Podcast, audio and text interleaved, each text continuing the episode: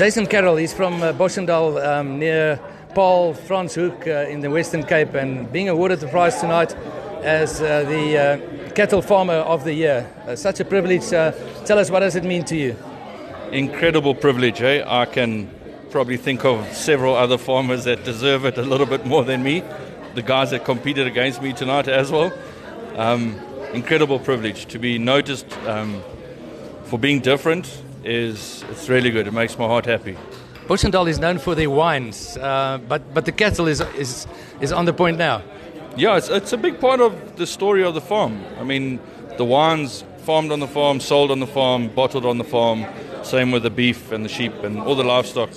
So we try and keep everything from the farm for the farm on the farm. That whole chain, we want to make it ours as much as possible. And the picnic, that's one of your stars, if I can put it like this. Um, I, I, prefer to think the wine and the beef is the stars, but yeah, the, the oaks love uh, sleeping sleeping in the shade there after a couple of bottles of wine.